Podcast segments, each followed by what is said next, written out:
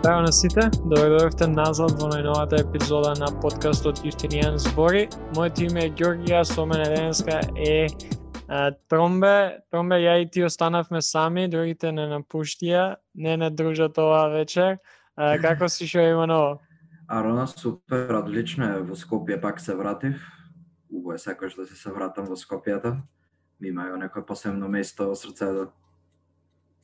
Да, а, мината нела немавме епизода, а, едно што не успеавме да снимаме, друго што почнува нели испитна сесија, а, и почнуваат да текста други работи, малце ќе биде интересно да видиме како ќе се снајдеме и ние со сето тоа, дека и лето иде, така што ќе видиме како ќе проложи подкастов, баре, барем за е, летото, за од септември здравје, секако пак почнуваме со полна ама денеска а, мислам дека мислам е у последниве две недели а, се случуваат некои работи на блискиот исток за кои што моравме да седнеме и да да поразговараме. Едно што нели сме подкаст кој што на кој што сакаме да разговараме за работи кои што можеби не толку се зборува кај нас, а и работи кои се дел од таа некоја геополитика и а, конфликтот помеѓу Израел и Палестина е, е совршена тема на разговор. А, секако не е убаво што се случува, ама е, е добар, добра можност да пробаме, еве, Тромбе, ја и ти, да поразговараме за што поточно се случува и да, е, ако некој не знае, да, да едуцираме луѓето, тие, оние, тоест, оние кои што не слушаат, за што поточно таму се случува. А, какви, ај пред да почнеме, каква е твојата првична импресија за, за моменталната ситуација а, во Израел и, мислам, помеѓу Израел и Палестина? Да, моменталната ситуација, значи треба некој работи малце порано да се каже за се долови зошто е ова ситуација таква каква што е сега моментално а тоа е дека Израел како држава има поминато кон едни бурни четири прошли години, бурни во смисла политички бурни. Значи нивниот премиер Бенџамин Нетанјаху или познат како Биби, а, многу избори имале во Израел последниве 2-3 години, негде околу 4-5, предвремени, нели се разбира. А, и како резултат на сите тие имаше повторни избори, пошто никоја влада не може да оформи влада. И се во една таква комплицирана ситуација кај што нема стабилна влада. И како се некоја држава, таков е биви според мене, прави некои работи да дефокусира јавност од моменталната политичка ситуација во Израел и да ја дефокусира јавност од неговото судење кое што беше за корупција, ако не се лажам.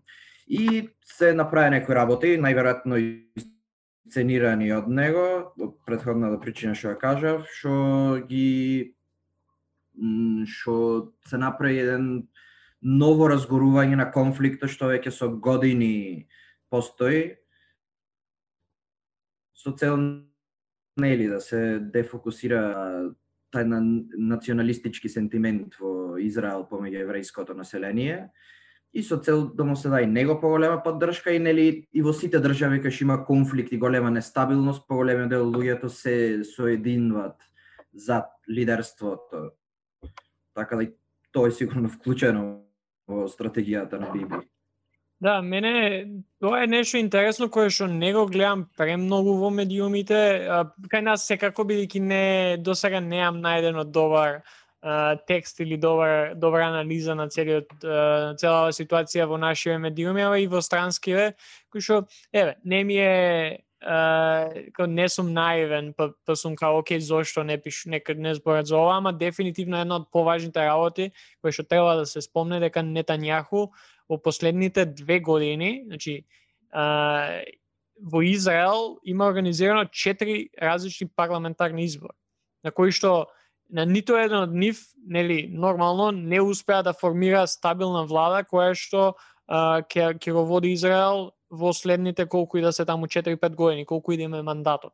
И а, после последните избори кои што патем се случија а, на 23 март 2021, мислам дека вакво нешто беше за очекување, тоест ескалација во а, во конфликтот со со Палестина и Хамас беше за очекување. Е сега, до ваква мера и во ваков момент може би не толку, а, ама дефинитивно ова е нешто кое што му иде у прилог на на Биби Нетањаху и кое што може да се каже дека ако еве ај сега да не преодуцираме да кажеме дека они се главните организатори на сето ова бидејќи мислам дека е малце мислам не е комплицирана цела ситуација, ама не можеш uh, како да кажеш оке 100% uh, виновници се тие туку мо, ама може да се каже дека им одговара сето ова а, и а, може да се каже дека они го дозволуваат. Нешто слично као ја би дал пример, може би еве лоша метафора ќе биде, ама случајот со Бугарија. Кога почна бугарите да, тоест да излегуваат со изјави што Захариева, што Карачанаков, што другите, за македонската историја пред избори у Бугарија. Се има повеќе нели причини позади сето тоа, ама една од главните причини беа освојување на политички поени. Затоа, на пример, Груевски после ветото у Букуреш отиде фул антички македонец, бидејќи тоа освојува поени, тоа освојува политички поени, тоа добива избори. Е сега, ова е ова е мислам една од мотивите на на Нетањаху, иако на пример овој конфликт е веќе 70 70 и нешто години, така што не е ново, ама мислам дека е важно да се каже ова на самиот почеток. Значи, дефинитивно има политичка позадина и дефинитивно а, ова му оди у прилог највеќе и најголем победник на крај или барем у моментов е Биби Нетањаху. Да, да, мислам, каде каде му одговара и се гледа и по самиот народ во Израел, колку и да го некјат Биби Нетањаху во вакви моменти кога се бомбардирани, кога имат најразлични најразлична нестабилност, сите се спојуваат во него и го гледат како некој фигура спасител на некаков начин. И се разбира, тоа е тоа е резултат кој што не е специфичен за Израел, тоа е резултат кај што сите држави би направиле нормално кога си во таква ситуација, сигурно нема да ти биде прво на памет, еј, ај ќе протестирам против председател или премиерот што не осакам, туку ќе гледаш на најбрз можен начин да си го спасиш живото и здравието. Uh, okay. мислам да, се согласувам. Треба се мислев само како да започнеме. Мислам, започнавме ние, ама uh, дали ај вака ќе направиме. Uh, можеш, бидејќи знам ти си по историја, а, сигурно имаш повеќе историјски информации од мене, можеш чисто на да да да почнеме со како започна овој овој конфликт и зошто зошто е важно, мислам, как, да, како започнал самиот конфликт пред 70 на години и повеќе. Да. Значи, конфликтот е многу одамна, значи, дури почетоците на тој конфликт се гледат во 1000 пред Првата светска војна и за време на Првата светска војна, но за да се долови конфликтот потребно да се разговара за една идеологија, таа е наречена зионизам. Што значи зионизам? многу дефиниции си има смената кроз времето, но денес е прифатливо дека зионизмот е идеологијата за тоа евреите да имат своја национална држава. А, и од некои зионистички конференции од 19 век се оформи таа идеја за да има една држава за цел еврејски народ. Патем и терминот евреј не многу сменет, чисто религиски да покаже која религиска се има претворени во како етницитет на некаков начин. А, и знаеме, во Првата светска војна тој регион, пред Првата светска војна, тој регион бил во собственост на, на Османската империја. После Првата светска војна, тај, тој регион, Палестина, го завзема Велика Британија, се разбира, колониализам, и се нарекол The Mandate of Palestine Но од кога дојдоа британците има сакаш на ум на некаков начин се разбира да го експлоатираат тој регион пошто то тој работата на колониализмот, но и да се оттарасат и да решат некои проблеми кои што тогаш вриеја. А, значи, се имат многу работи случајно во 20-тите има некои конференции, некои договори кои што а, ја почнува кон оформување на таа зионистичка идеја за еврејска држава или за држава каде што евреите ќе нели ќе ќе живеат и така натаму. И беше прилично контроверзно во тој период и мислам дека тоест не сигурно во 1939 година се направи така наречените white papers, сите големи сили, но предводени од Велика Британија, кај што се планираше колкав процент евреи евреи ќе се доселат со определени ограничувања, со ограничување на кои земјиште смеат и не смеат да го да го земат во нивна поседност и така натаму. И нели се паузираа сите тие работи од кога почна Втората светска војна. И од кога знаеме каков резултат имаше Втората светска војна, поготово кон еврејското население, нели Холокаустот, тоа тие забрани кои што предходно беа дадени во White Paper, односно колку евреи треба се населат во Палестина, се тргнаа. И се отвори пато за неограничено населување на еврејско население, тоа не е ни населување, туку е refugees, бара за солниште од долго вековната традиција на омраза кон евреите во Европа. И од кога голем број луѓе кои што станаа без имот до Втората светска војна се преселија во Израел евреи за да барат заштита. Њо тоаш почна. Од тогаш се оформуваа ком, конференција во Обединетите нации за решавање на палестинското прашање односно за регулирање како ќе живеат евреите и арапите во една заедница. Има многу као идеи како то би се одвивало. Еден предлог бил да се направи конфедерација или федерација во налик на Швајцарија и Југославија. Во овој дел, овој предлог го поддржува најголемиот број од државите од третиот свет, да речем, како Југославија, Индија и така натаму. Друг предлог бил на американците и на Советскиот сојуз да има two state solution, значи две држави кои што се многу популарен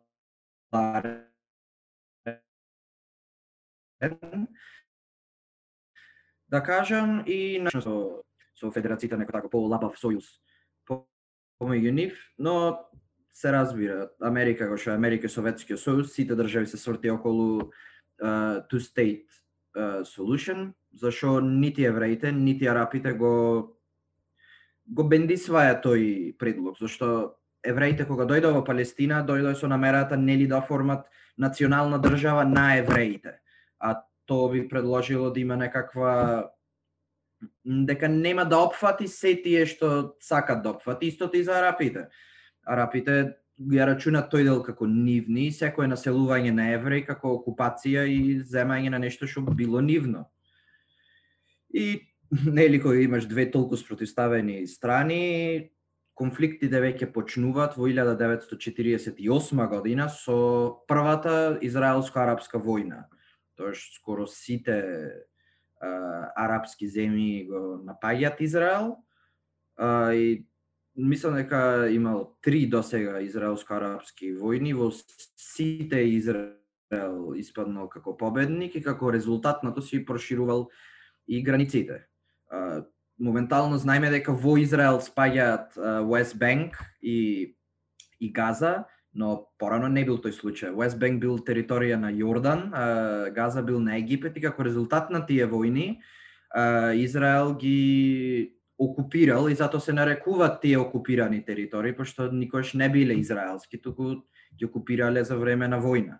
И затоа посебни правила, закони интернационални има во таа сфера, во тој дел на Израел.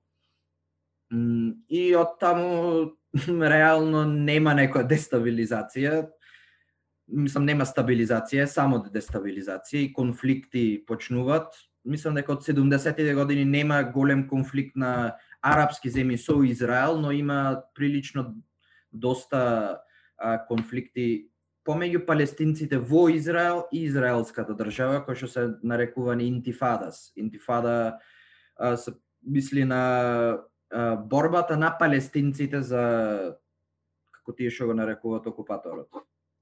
И така да од тогаш не се многу работи променети, си оди во фази на некаков мир, што не е ни мир до отворен конфликт.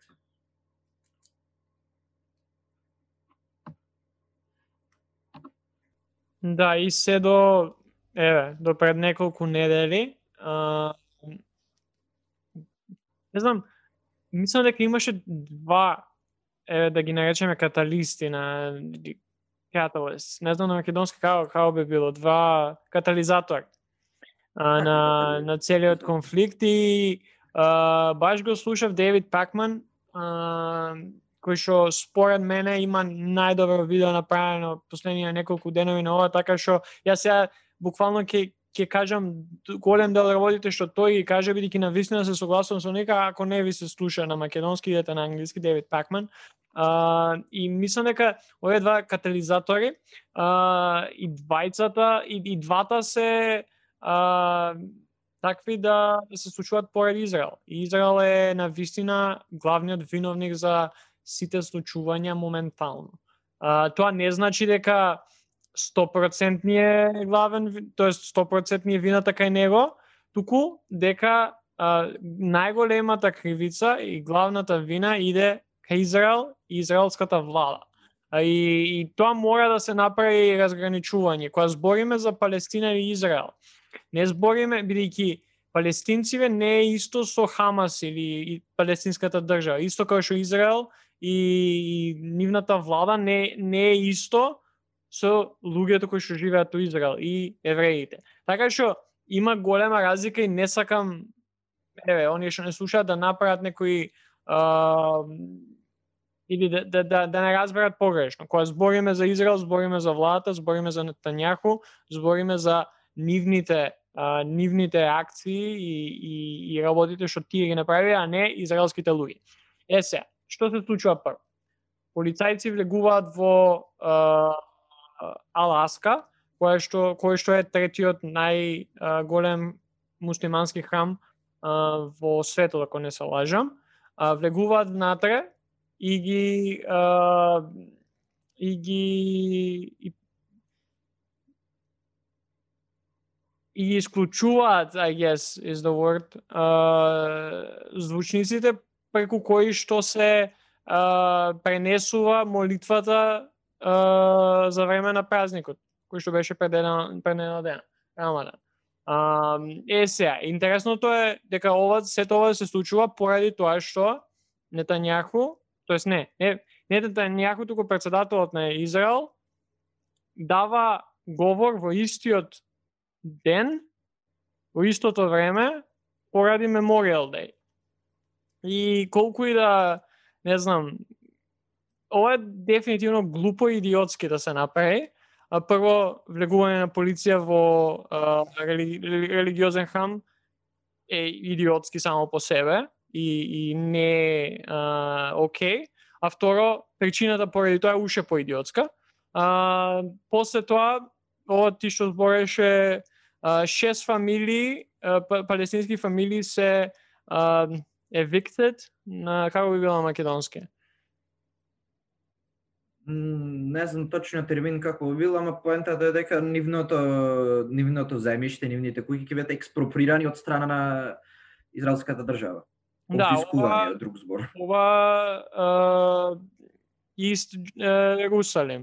Uh, кое што по, потоа води до протести а, и која што на 7 мај води до акција, политска акција на истата на, на истото место каде што полицијата влезе пред неколку пред неколку дена тогаш Аласка со гранади, rubber bullets и и знаеш цела артилерија.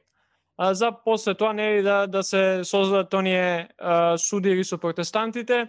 Едната страна вика овие почнале бидејќи фрлале камења на полицијата, другата страна вика а, нели, а, почнале бидејќи полицијата го започнува тоа, ама овие две работи го започнуваат целиот а, целиот а, сите судири после тоа.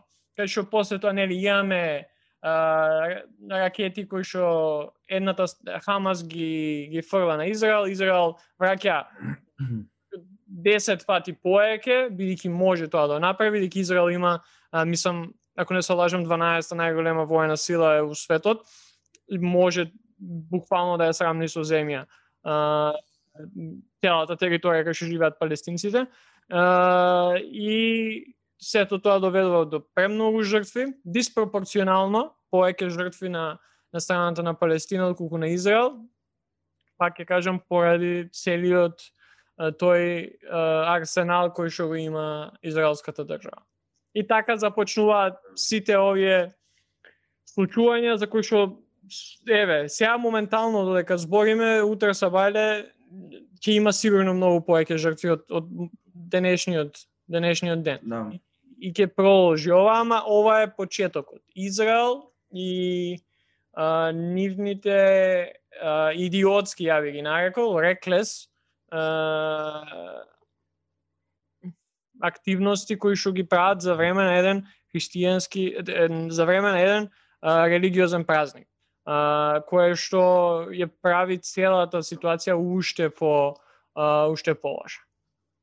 Да, ова ова се предводи како што кажа ти со eviction или експроприација на земјиштата, куќите на палестински семејства, ова не, не е прв пат ова што се дешава. Значи, таа, како да ја кажам, ај во најмала рака би ја кажал како промена на демографија политика, што може со многу потврд збор да се нарече се тоа што се дешава, е многу, како да кажам, многу лошо obviously. И долго време го го прат. И како што не се решава овој проблем со Израел помеѓу Палестина, така се Израел продолжува да ја прави таа демографска а, демографска промена на населението и ќе дојде до ситуација кај што можат да речат е, абе, во Израел нема поќе палестинци.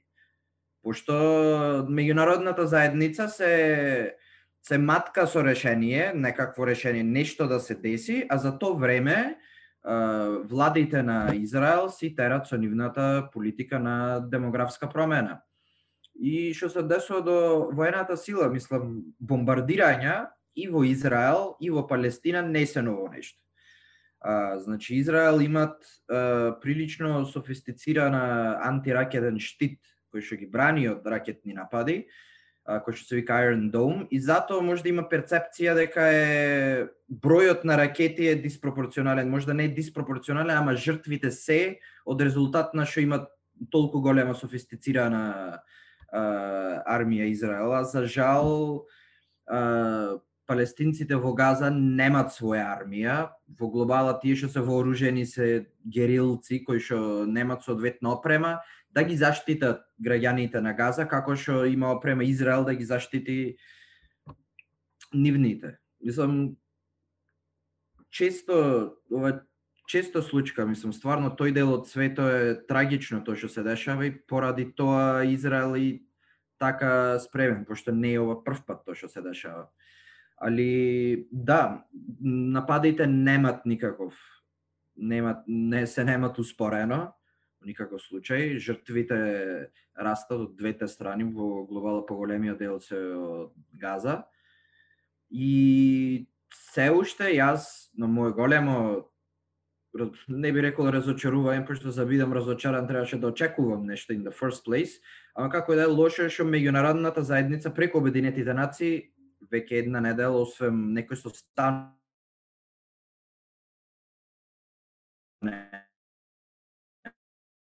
и мора мора да се направи пошто очигледно двете страни меѓу себе не можат да се договорат и мора свето како една а, колективна единка преточена во Обединетите нации ќе изнајди некакво решение. Да, и мислам дека ова кога треба да се каже што се случува, како со зборовите буквални кои што да, можеби ќе се претешки, ама ова што се случува во Израел а, не е ништо друго освен а, етничко обид за етничко а, чистење. Етничко на некој чистење, да. софистициран начин, не е не е начинот на кој што србите се случува у 90-тите години, ама е на некој пософистициран, по а, суптилен начин, а, Да. за да можат тие, Нетањаху и, и неговите, да се представат како жртвата у цела оваа ситуација. Токму поради тоа, мислам дека многу тешко ќе биде да се дојде до некаков компромис или договор кај што големите сили ќе го фасилитираат тој договор. Бидејќи ако гледаме моментално, ти ги имаш САД на чело со Бајден, кои што го подржуваат Израел 100 100% и имаш сите други сите други светски сили кои што се важни во во овој случај да спојат на страната на Израел. Као ја до сега немам видено некој светски лидер да има излезено и да каже ова што Израел го прави, ова што Нетањаху го прави, не е окей. Треба да се реагира. Као а, Бајден и неговата администрација има блокирано четири резолуции на ЮН за оваа ситуација у последниве неколку недели, зашто Нетањаху јавно му се заблагодарува. И плюс тоа нели Нетањаху се заблагодарува на сите оние држави и светски лидери кои што излегле им, им дале поддршка на нив. А меѓу кои што мора да се спомене се Заев и Мицковски. Не дека се светски лидери, ама се наши лидери, као мора да ги споменеме. Да. А, Заев тоа го направи многу посуптилно од Мицковски, кој што стави само еден твит на Твитер а, и беше онака нон а, па, по-неутрален не можеше да биде, ама секако имаше а, па, беше во, знаеш, со тонот дека Израел е жртва, треба сите а, нели да се најде компромис, бла бла бла, кај што а Мицковски напише еден цел пост на Facebook кај што буквално ги а, а, ги поддржува Израел што мене ми е доста интересно да го видам, не дека нешто значи у, у, у рамките на светската политика, ама е интересно да се види кој на која страна и колку само а, колку само а, тоа американската политика и, и начинот на кој што тие водат нивната надворешна политика влијае врз помалите држави, кај што ти ги имаш, не знам, имаш Албанија, Косово, а, Македонија, Босна, сите излегува у подршка со подршка за за за Израел. Да. Абе, види, една работа што мене лично ме нервира со одговорот кон цела оваа ситуација и кон лидери и кон нормални луѓе, што прилично нивните ставови се еднострани, во смисла на или ја поддржувам Палестина и палестинскиот народ, или го поддржувам Израел и израелскиот народ, што е според мене многу грешно грешен пристап на ситуација, пошто патат и палестинци, патат и а, израелци од власта на Нетањаху. На страна Да. власта на, на, на Нетањаху има жртви од бомбардирање и во Израел, нели огромниот број на жртви во Палестина. Не треба ако се помалце во Израел дека треба да ги анулираме како како такви. А, зато треба таков пристап да се има, да се има пристап дека треба дека и двете страни се а, жртви и дека треба да се реши што односно да се тргни Нетањаху од власт и да се донеси некој кој што е малце по салам и нема такви фашизоидни идеи за етничко чистење на на, на палестинците. А, што Да. се однесува до, до Палестина, значи Палестина, за тие што не знаат, мислам, појасот Газа е под водство на Хамас, кој за многу луѓе е терористичка, исламистичка организација, а и според мене. А и да, да, и да се разбере едно, не е, Хамас не е толку фокусиран да му помогне на палестинскиот народ. Значи, Хамас има една конкуренција со West Bank, односно со лидерството на West Bank, кој што многу луѓе го гледаат како легитимно представник на палестинскиот народ, предводен председател на Палестина Абас, и тие се трудат во секоја можна ескалација да зголемат ескалацијата за да го зголемат нивниот легитимитет да се покажат дека еј види ние сме тие кои што треба да се бориме за вас, а според мен единствен мотив за тие да се борат е уништување на државата Израел и на уништување на сите евреи кои што живеат таму, пошто ги гледаат како непријатели. Нели, да не бидиме зачудени, се радикална терористичка организација, фала Богу. Така да и тука има некоја политичка тензија помеѓу самите актери во меѓу палестинскиот народ што му дава додатно компликување на ситуацијата. Не, тоа тоа секако пред да преминеме на тоа, сакам само да да поразговарам, да да спомнам тоа дека гледам премногу се користи аргументот дека а, знаеш, а, не се збори толку многу за ова сега ние што го зборевме за за за причините зошто Израел ги прави работи, за зошто е ова лошо и што уствари се случува, туку преголем акцент мислам дека се става на, на, на тоа колку само одговорот на Израел е диспропорционален а, во однос на Палестина. Као да, точно е, премногу диспропорционален е а, и многу подобра армија имаат, војска, артилерија, све. Ама тоа не мислам дека треба да биде главен фактор кога збориме за вакви работи, бидејќи а, ако еве да беа на исто рамниште, беше пропорционално и у Израел имаше толку жртви колку што има у Палестина, тоа не го прави не ја прави цела ситуација подобра, тоа ја прави уште полоша. А, као не, као не, не треба да има поеќе жртви. Тука, тука мислам може да се загуби и да им се даде уште еден аргумент поеќе на, на оние кои што а, што ја бранат страната на Нетањаху и на Израел, а, кај што е да бе вие сакате поеќе жртви у Израел како што има во Палестина. Така што мислам дека треба да се премине, као треба да се да се признае, да, има има преголема моќ, вооружени се максимално, ама тоа не значи дека треба да имаат исто голем број на жртви. Као не не треба да има жртви воопшто. Као дај да, да разговараме за другите работи кои што стварно се случуваат и како понатака. И мислам дека пред да преминеме на кои се можните потенцијални разврсници, раз, разврски кои што не верувам дека во брзо време ќе се случат, сакав да да напоменеме едно од нај е, онака најголемите работи што навистина ме изнервира беше нападот на и срамнувањето до, на, на, на зградата кај што се Ал Джазира и Associated Press а, пред некој ден. Тоа мислам дека пак ќе искористам зборот идиотски а, и а, уште еднаш потврдува каков а, политичар и човек е е Нетањаху. Чи не сака а, буквален диктатор е, ти го, ти го употреби зборот фашизам, ја би се согласил со тоа и нема да дозволи а, никаков никаква критика и ќе ги искористи сите можни а, сите можни а, сите можни работи кои што ги има на располагање да, да, да го спречи а, било какво а, да бил да спречи било каква критика. И тоа мислам дека е на вистина на вистина а, лошо и опасно. Колку и да имало луѓе на Хамас во, во таа зграда, што by the way не верувам дека има премногу. А, ја не, не сум видел до сега докази дека уствари постојат за, за, за, за нивното објаснување а, за зошто ја бомбардира а, токму таа зграда, кај што се uh, канцелариите на Al Jazeera и Associated Press. И на вистина ова ми звучи и ми изгледа као на на она со Дик Чейни и почетокот на војната после нели сушувањето на кулите близначки.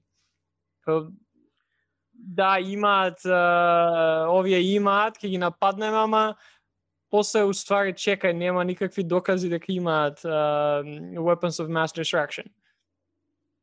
Да, голем дел од голем дел од нападите на Израел кон појасот Газа беа со објаснувањето дека напаѓаат определени определени цели кои што се на Хамас.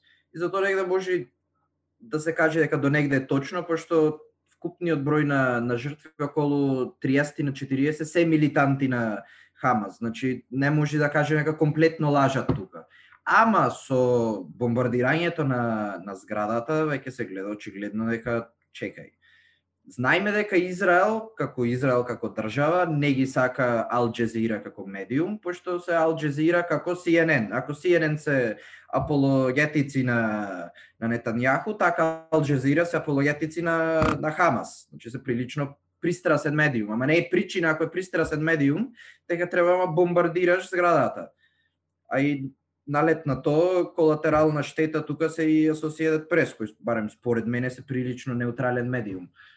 Да, па тоа тоа мене ме највеќе чинува како ме ме изнервира бидејќи ај Ал Джазира, како пак ќе кажам, идиотски е. Како колку и да имаш а, дојава гес дека има луѓе на Хамас кои што живеат у зградава или имаат база таму, не се прави тоа така. А, барем не каде, каде што имаш прво цивили, кои што секој ден умираат у појазот Газа, а второ Ал Джазира и плюс Associated Press. Uh, убаво каже, да, Ал Джазира е Uh, може со право да се каже дека е малце повеќе присресна код една од двете страни. Затоа ги имаме сите, скоро сите западни, прозападни медиуми кои што се презрасни на другата страна. Така што убаво да има некој некој некој баланс помеѓу двете двете страни кај што знаеш како, а, ќе ги читаш двете двете а, вести за една иста работа и ќе некаде вистината е у средина. А, така што барем можеш да читаш две ствари. Ама не и се, мислам дека на вистина овој напад, конкретно э, уништување и срамнување со земја на оваа зграда покажува само му го покажува ни го покажува вистинското лице на на Нетањаху. И и, и пак се раќаме на ова што зборен на почеток. Ова му одговара на него. Ова му е а, му одговара на него и мислам дека поради тоа не верувам дека ќе заврши во скоро време, бидејќи и за Нетањаху и за Хамас убо кажа, хаосот е она што им треба едните да, да и двете страни да, да ги зацврстат своите позиции као водач, као лидери на, на, на, на, на една од двете страни. Така што би било а, доста интересно да се види како се тоа ќе напредува и дали уопште ќе има некаква разврска во блиска иднина. Е се, што е а, бидејќи се како не ние може уште уште повеќе да збориме реално за, за се тоа, имам премногу работи, ама што е можно решение за ова? А, ја на почеток би, би спомнал мировно решение нема не е возможно или не е возможно барем не во во, во мера кај што би ги задоволила и двете страни ако ги имаме истите лидери кои што се у моментов. Тоест, Нетањаху на едната страна и Хамас на другата. Не можеш мир да имаш со овие две страни као, као водечки сили на Израел и Палестина. Тука мислам дека е, е, е главниот, као, мора да се најдат нови лидери, мора да се најдат нови луѓе кои што ќе ги водат овие преговори, кои што ќе пробат да направат нешто што на висне ќе смени а, работите на полок. Тоа мислам дека за почеток е, е маст. Да, како што кажав претходно, јас лично не очекувам дека двете страни ќе излезат со решение сами по себе, пошто како што се работиве сега, од едната страна на Израел имаме ултра десничар на, на власт, па може да се заклучи фашист со работите што ги прави со етничко чистење и така натаму. А од другата страна имаме па исламофашисти кои што се терористичка организација која што имат за цел истребување на некој друг народ, но слично како Израел, како израелскиот премиер што има идеи. Така да помеѓу тие тие две политички ентитети, ако можам да ги наречам, нема теоретска шанса да се дојде до некаков договор. Јас тука гледам дека некоја трета страна треба да дојде и да го и да го да помогне кон решавање на проблемите, но тоа секако нема да биде лесно. Нема да биде ни брзо, а и треба да се пази кон пристапо, пошто знаеме големите сили како можат да решават такви проблеми од трета страна, да си огледат собствениот интерес и да не ги засега за е, животот, здравјето и добробитот на палестинците и на израелците. Така да не знам дали би можел да кажам како би се решил овој проблем, пошто го знаев да кажам најверојатно Нобелова награда за мир ќе ми дае.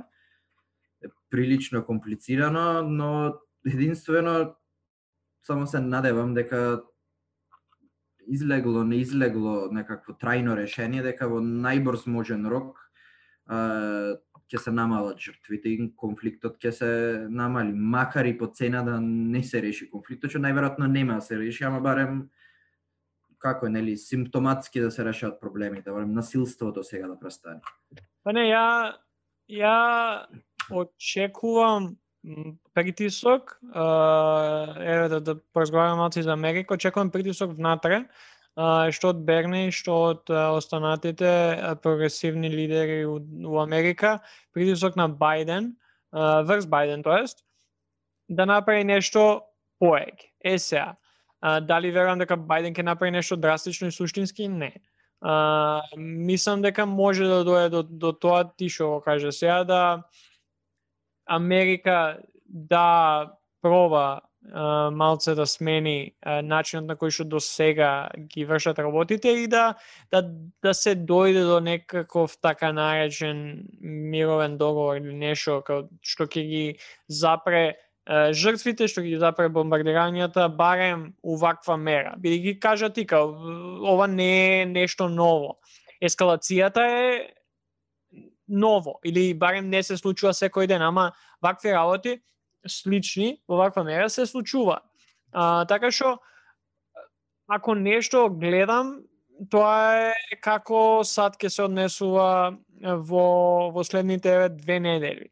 А, дали очекувам нешто суштински пак ќе кажам? Не, ама барем се надевам дека ќе се дојде до некаков компромис кај што жртвите, поготово цивили, ќе престанат. И Тоа е, мислам, клучот. Да, ама и гледај, но да, цел свет онака знае која е позицијата на Америка, иако може да јавно не ја зборат, сите знаеме дека Америка ќе обрани Израел. Пошто има комплетна дебата е заштото, пошто ако си политичар во Америка, ако речеш јас се поддржувам Палестина, автоматски политичката кариера ти е завршена. Day one.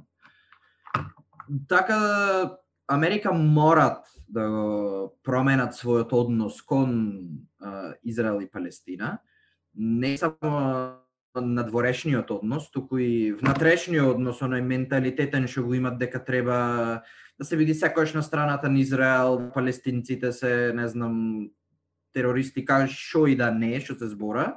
Значи треба првен внатре да се средат како размислуваат за случаја и после тоа сменато размислување да го преточат, пошто ако не се случи тоа, фактички секој договор кој што е предложен од Америка нема да се гледа како комплетно неутрален и со право. И ќе отвори вратата тука за некои други држави кои што може да историски биле понеутрални или не биле со едната или со другата страна, да истапат и да бидат лидерите во ова. Така да Америка барем нека биде од тоа мотивирана, пошто може во одреден во одредено подрачје да комплетно да го изгуби влијанието што некојаш го имала. Да, и со тоа мислам дека може тука да превршиме. А, пак ќе кажем, ние секако може уште многу да поразговараме за ова. А, ке, ќе гледаме ќе гледаме работите како ќе се случуваат во следните недела две. Па пак ќе поразговараме како за оваа тема, така и за, за некои теми кои што може да, да поизлезат од, од, од ова. А, тоа ја имам се, Тромбе, имаш уште нешто да кажеме или можеме да се одјавиме а, и да, да идеме да спиеме, пошто касно е. А, ништо посебно, да одиме да спиеме и и да видиме ш, најскоро што може страдањето на израелците и палестинци да се намали. Не, тоа е тоа е тоа е клучот, као кој што кажав на почетокот на епизода, мора да се направи разграничување помеѓу Израел, израелската држава, влада и население и помеѓу Палестина, тоест Хамас и палестинци.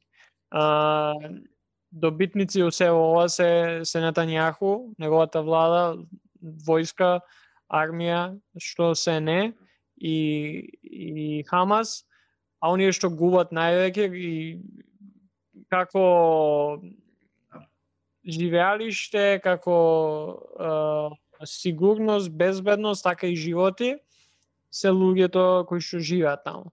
И поради тоа важно е ова да престане. Ама сега видиме што и како. Ја пак ќе кажам, немам некоја голема надеж за, за нешто суштинско, ама барем се надевам дека ситуацијата ќе се подобри со тоа што нема да има ваков голем број на, на жртви, а, поготово на, на млади деца, жени, а, цивили а, во следните неколку денови.